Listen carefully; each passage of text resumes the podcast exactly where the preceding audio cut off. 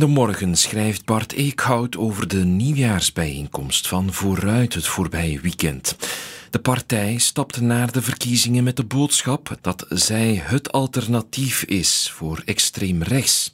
Dat is een heldere boodschap, maar het valt te betwijfelen of het ook een slimme strategie is.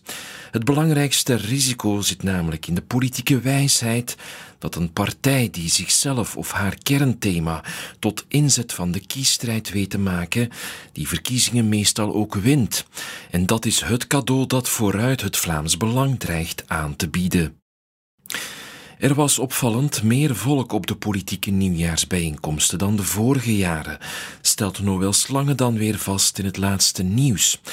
De strijkers van de politiek zetten nu al de start van de campagne in, maar de kiezer kijkt amper op.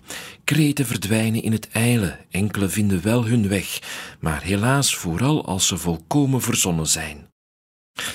Nieuwjaarsrecepties van politieke partijen zijn er in gewone tijden, vooral om voor de eigen parochie te preken en een beetje voor de buitenwereld. Maar nu zijn het ook momenten van hel en verdoemenis, meent Peter Meilemans in het Nieuwsblad.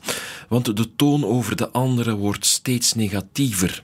En waar angst voor wat kan komen, de hoop die men geeft op beter overstemt, dat, zo bewijst de geschiedenis, voedt alleen maar extreme. Er komt dan toch geen glazen pijl met kubus op de top van de Boerentoren in Antwerpen, weet Greg van Roosbroek in de Gazet van Antwerpen, na een persconferentie. Er kwam veel kritiek op die spits, maar als we willen dat toeristen over vier jaar met open mond voor de Boerentoren staan, gaan we hen toch op de een of andere manier moeten verrassen. Onder Netanyahu komt er geen einde aan de oorlog in Gaza, denkt Lieven Sioen tot slot in de standaard. De Israëlische premier verwerpt nog maar eens de twee-staten-oplossing.